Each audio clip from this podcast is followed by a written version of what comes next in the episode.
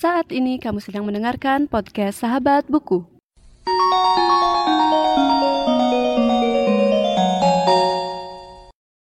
Halo semuanya dan selamat datang kembali di podcast Sahabat Buku.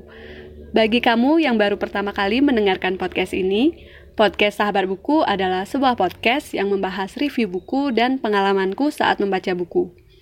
Di episode kali ini, aku akan membahas sebuah buku berjudul Sublimasi Rasa karya Teddy C. Yang diterbitkan oleh Mahima Institute Indonesia dan terbit pada Juni 2021 dan genre buku ini merupakan novel remaja dan membahas tentang percintaan serta tebal bukunya sekitar 144 halaman. Novel ini mengisahkan percintaan dua orang bernama Nata dan Tia yang terpisahkan oleh jarak. Jadi mereka pertama kali bertemu di sebuah minimarket di mana Nata waktu itu ingin berbelanja dan bertemu Tia di sana. Dan ternyata pada saat uh, Nata sampai di hotel tempat ia menginap, dia kembali bertemu dengan Tia.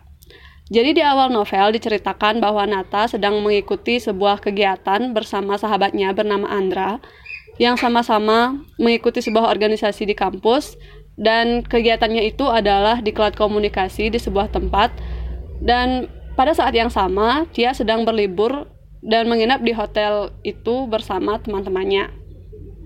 Buku ini nggak hanya membahas tentang percintaan, tapi juga membahas tentang hal-hal yang diselipkan di buku ini seperti polemik dalam masyarakat. Uh, seperti di awal itu diceritakan bahwa Nata bercerita tentang Bali kepada Tia. Dan pada percakapan itu, uh, Nata membahas uh, Bali itu memang indah tapi di balik keindahan Bali ada hal-hal yang menjadi menjadi masalah di di Bali seperti itu. Contohnya adalah uh, reklamasi dan juga uh, polemik masyarakat lainnya.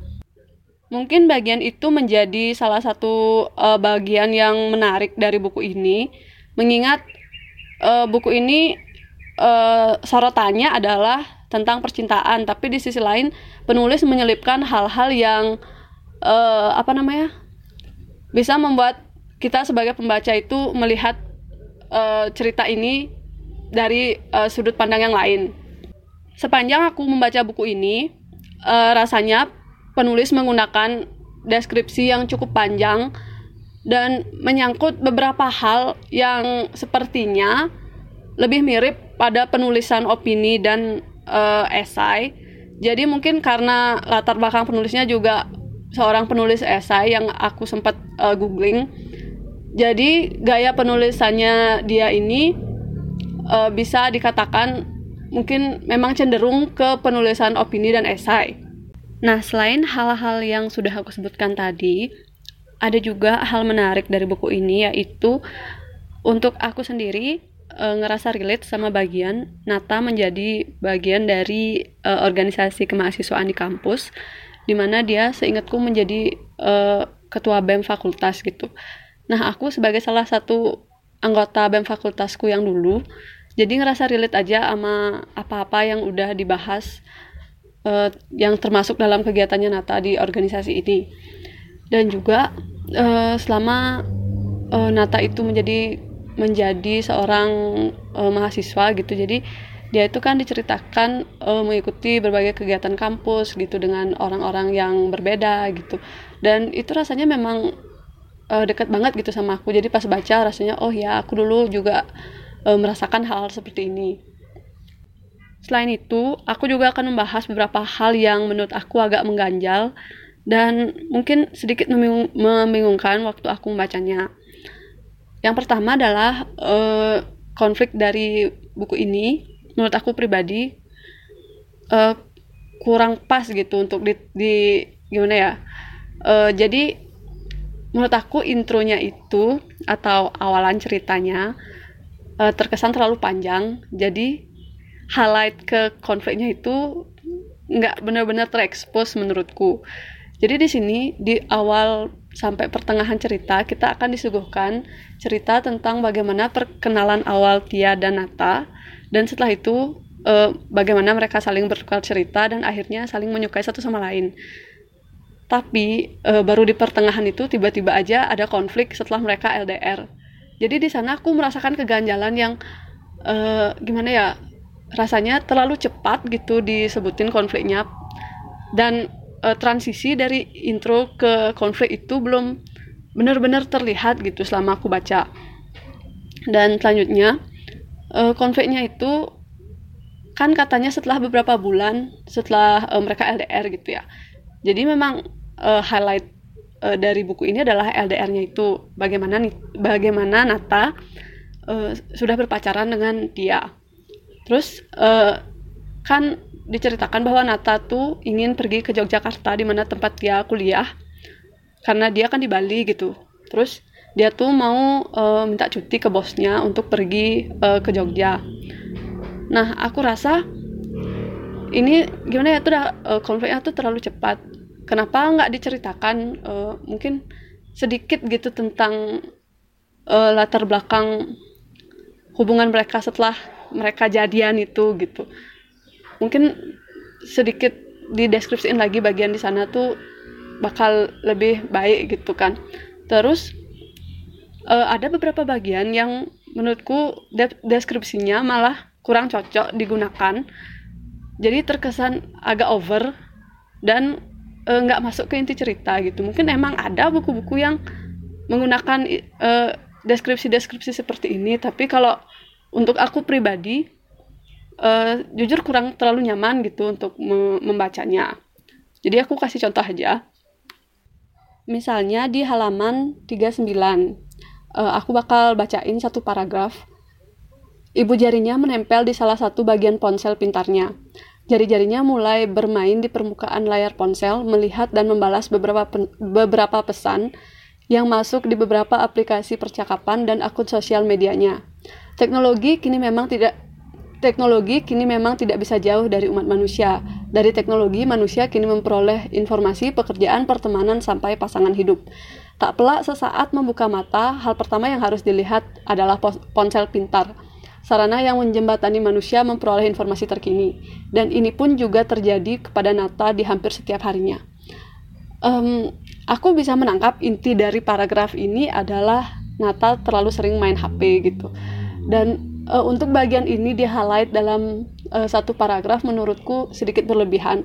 Karena uh, menurutku kalau misalnya target pembacanya adalah remaja dan dewasa gitu aku rasa kita semua udah tahu gitu kalau uh, zaman sekarang tuh orang lebih banyak main HP gitu sih. Dan untuk di halaman 83 ada juga paragraf yang menurut aku uh, kalaupun nggak ada tuh nggak apa-apa sih sebenarnya gitu jadi aku bacain aja paragrafnya Malioboro malam ini tampak ramai Ya memang setiap malamnya jalan yang membentang dari utara ke selatan ini selalu ramai dipenuhi oleh wisatawan, entah itu wisatawan domestik maupun asing. Orang-orang asli Jogja pun tak jarang menjadikan Malioboro sebagai tempat menghibur diri.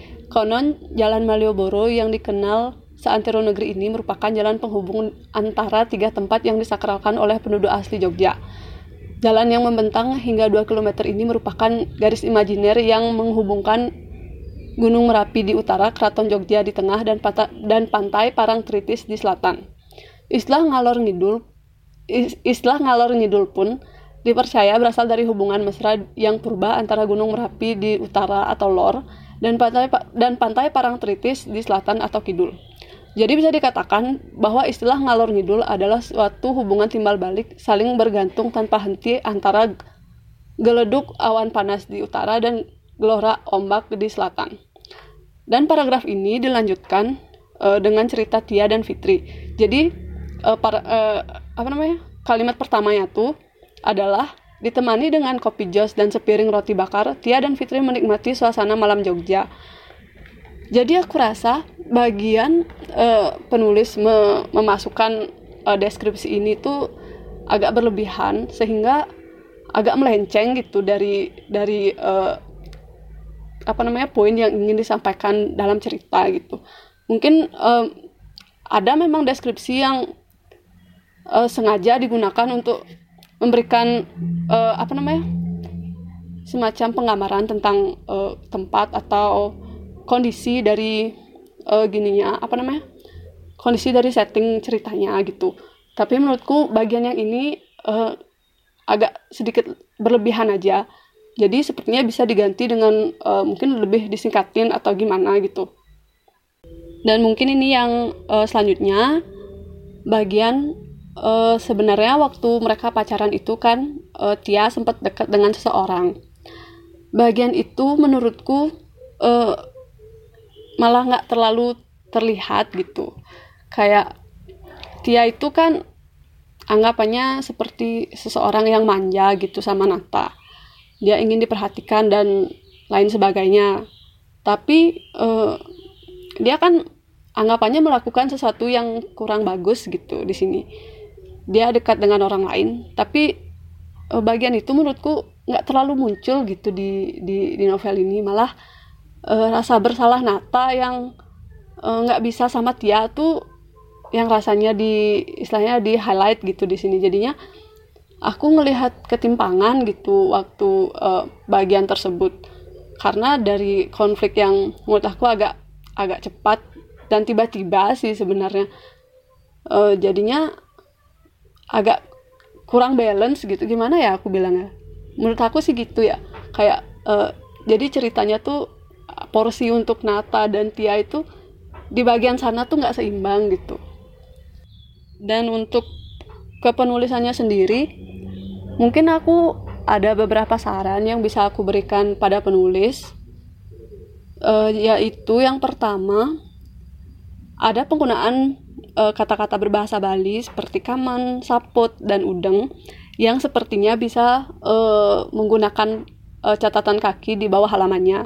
Karena aku rasa jika buku ini dibaca oleh uh, apa namanya orang-orang dari luar Bali yang mungkin tidak tahu tentang uh, apa sih kamen apa sih uh, saput gitu. Jadi lebih baik dikasih dikasih apa namanya dikasih uh, keterangan itu untuk bagian itu.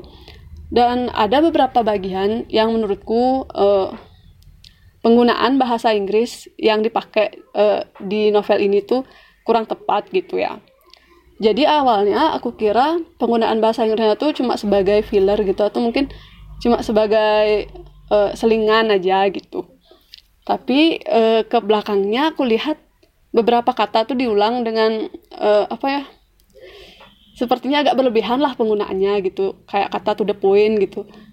Uh, agak gimana ya kalau mungkin kita ngomongin secara langsung gitu nggak dalam bentuk tulisan aku rasa itu mungkin bagus dan enak didengar gitu. Oh sini bilang to the tentang gini-gini gitu. Tapi kalau dalam bentuk tulisan uh, aku jujur sebagai pembaca merasa agak aneh gitu. Dan ada kata-kata kayak event, klien gitu. sepertinya kata-kata itu uh, bisa diganti atau uh, di bahasa Indonesia kan saja. Atau kalau mungkin mau lebih gimana istilahnya ya kalau mau lebih detail sepertinya mending ceritain aja. Misalnya eventnya tuh event apa ataupun kliennya tuh yang seperti apa gitu jadi nggak nggak abu-abu gitu menurutku. Dan kalaupun mungkin mau di uh, nggak mau di di deskripsiin lebih lanjut mungkin uh, penggunaan katanya tuh diganti bahasa Indonesia aja juga menurutku nggak apa-apa gitu. Malah waktu aku membacanya dengan bahasa Inggris agak aneh sebenarnya. Dan ini yang terakhir uh, aku langsung ke kesimpulannya. Jadi sepanjang membaca buku ini aku sebenarnya uh, yang membuat aku benar-benar bertahan membaca adalah aku ingin tahu konfliknya ini bakal dibawa ke mana. Jadi itu yang uh, apa namanya membuatku ngerasa oke okay, aku harus selesaikan buku ini. Dan um, beberapa hal yang mengganjal itu seperti yang aku bilang tadi eh, kadang-kadang bagian deskripsi yang terlalu panjang tuh mungkin bisa diperpendek uh, atau di istilahnya mungkin diganti dengan uh, yang lain gitu yang mungkin uh, lebih masuk ke cerita. Dan uh, oh ya kebetulan buku ini adalah uh, novel pertama dari Dwi Logi Rasa yang mana artinya ini bakal berseri dan aku nggak tahu uh, kapan akan ada seri lanjutannya. Tapi harapanku adalah uh, penulis bisa uh, memberikan cerita yang lebih baik dan lebih menarik lagi. Karena uh, apa namanya konfliknya kan anggapannya belum selesai karena bakal ada buku keduanya. Jadi sepertinya kalau bukunya lebih menarik lagi pasti bakal bisa menjaring lebih banyak pembaca dan sebagai disclaimer uh, penulis sendiri yang meminta aku untuk uh, membahas buku ini di podcast. Jadi aku sudah membahasnya dan semoga berkenan. dan aku uh, menceritakan uh, buku ini berdasarkan pengalaman pribadi aku sebagai pembaca uh, tidak dilebih-lebihkan juga tidak dikurang-kurangkan jadi uh, semuanya berdasarkan uh, pandangan dan uh, opini pribadi aku jadi untuk yang memiliki uh, opini lain atau uh, memiliki pandangan yang berbeda tentang buku ini bisa kasih komentar sehingga uh, bisa memperkaya uh, pengetahuan untuk para pembaca yang ingin membaca buku ini. Jadi sekian untuk episode kali ini. Jika kamu uh, ingin aku membahas buku-buku lainnya, bisa kasih DM atau komen di YouTube Podcast Sahabat Buku. Dan akan ada episode-episode baru lagi. Sampai jumpa di episode selanjutnya.